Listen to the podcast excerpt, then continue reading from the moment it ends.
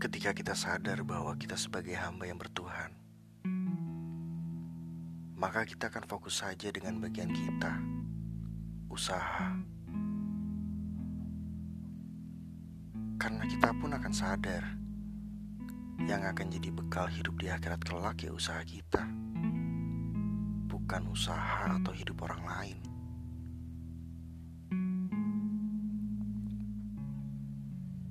Kalau keseringan bandingin diri sendiri dengan orang lain, akan jadi sering stres, ngerasa tertinggal, atau merasa tak seberuntung orang lain. Yang jelas-jelas beda, termasuk beda jalan hidupnya. Hidup bukan tentang siapa yang paling sukses duluan atau belakangan. Bukan juga siapa yang paling bahagia atau yang paling menderita, bukan. Tapi tentang siapa yang paling baik sikapnya di apa pun kondisinya.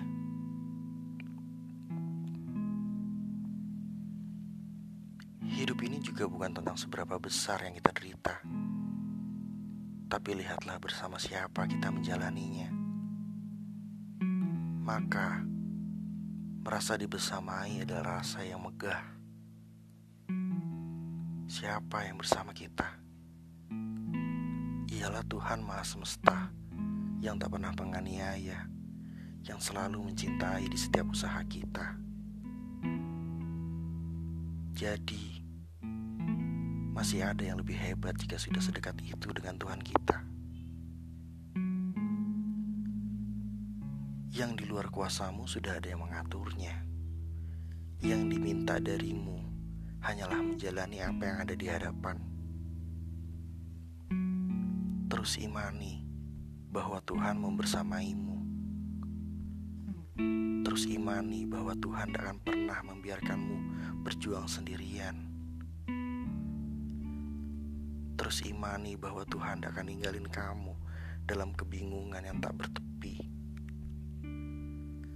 Terus imani dan jalani.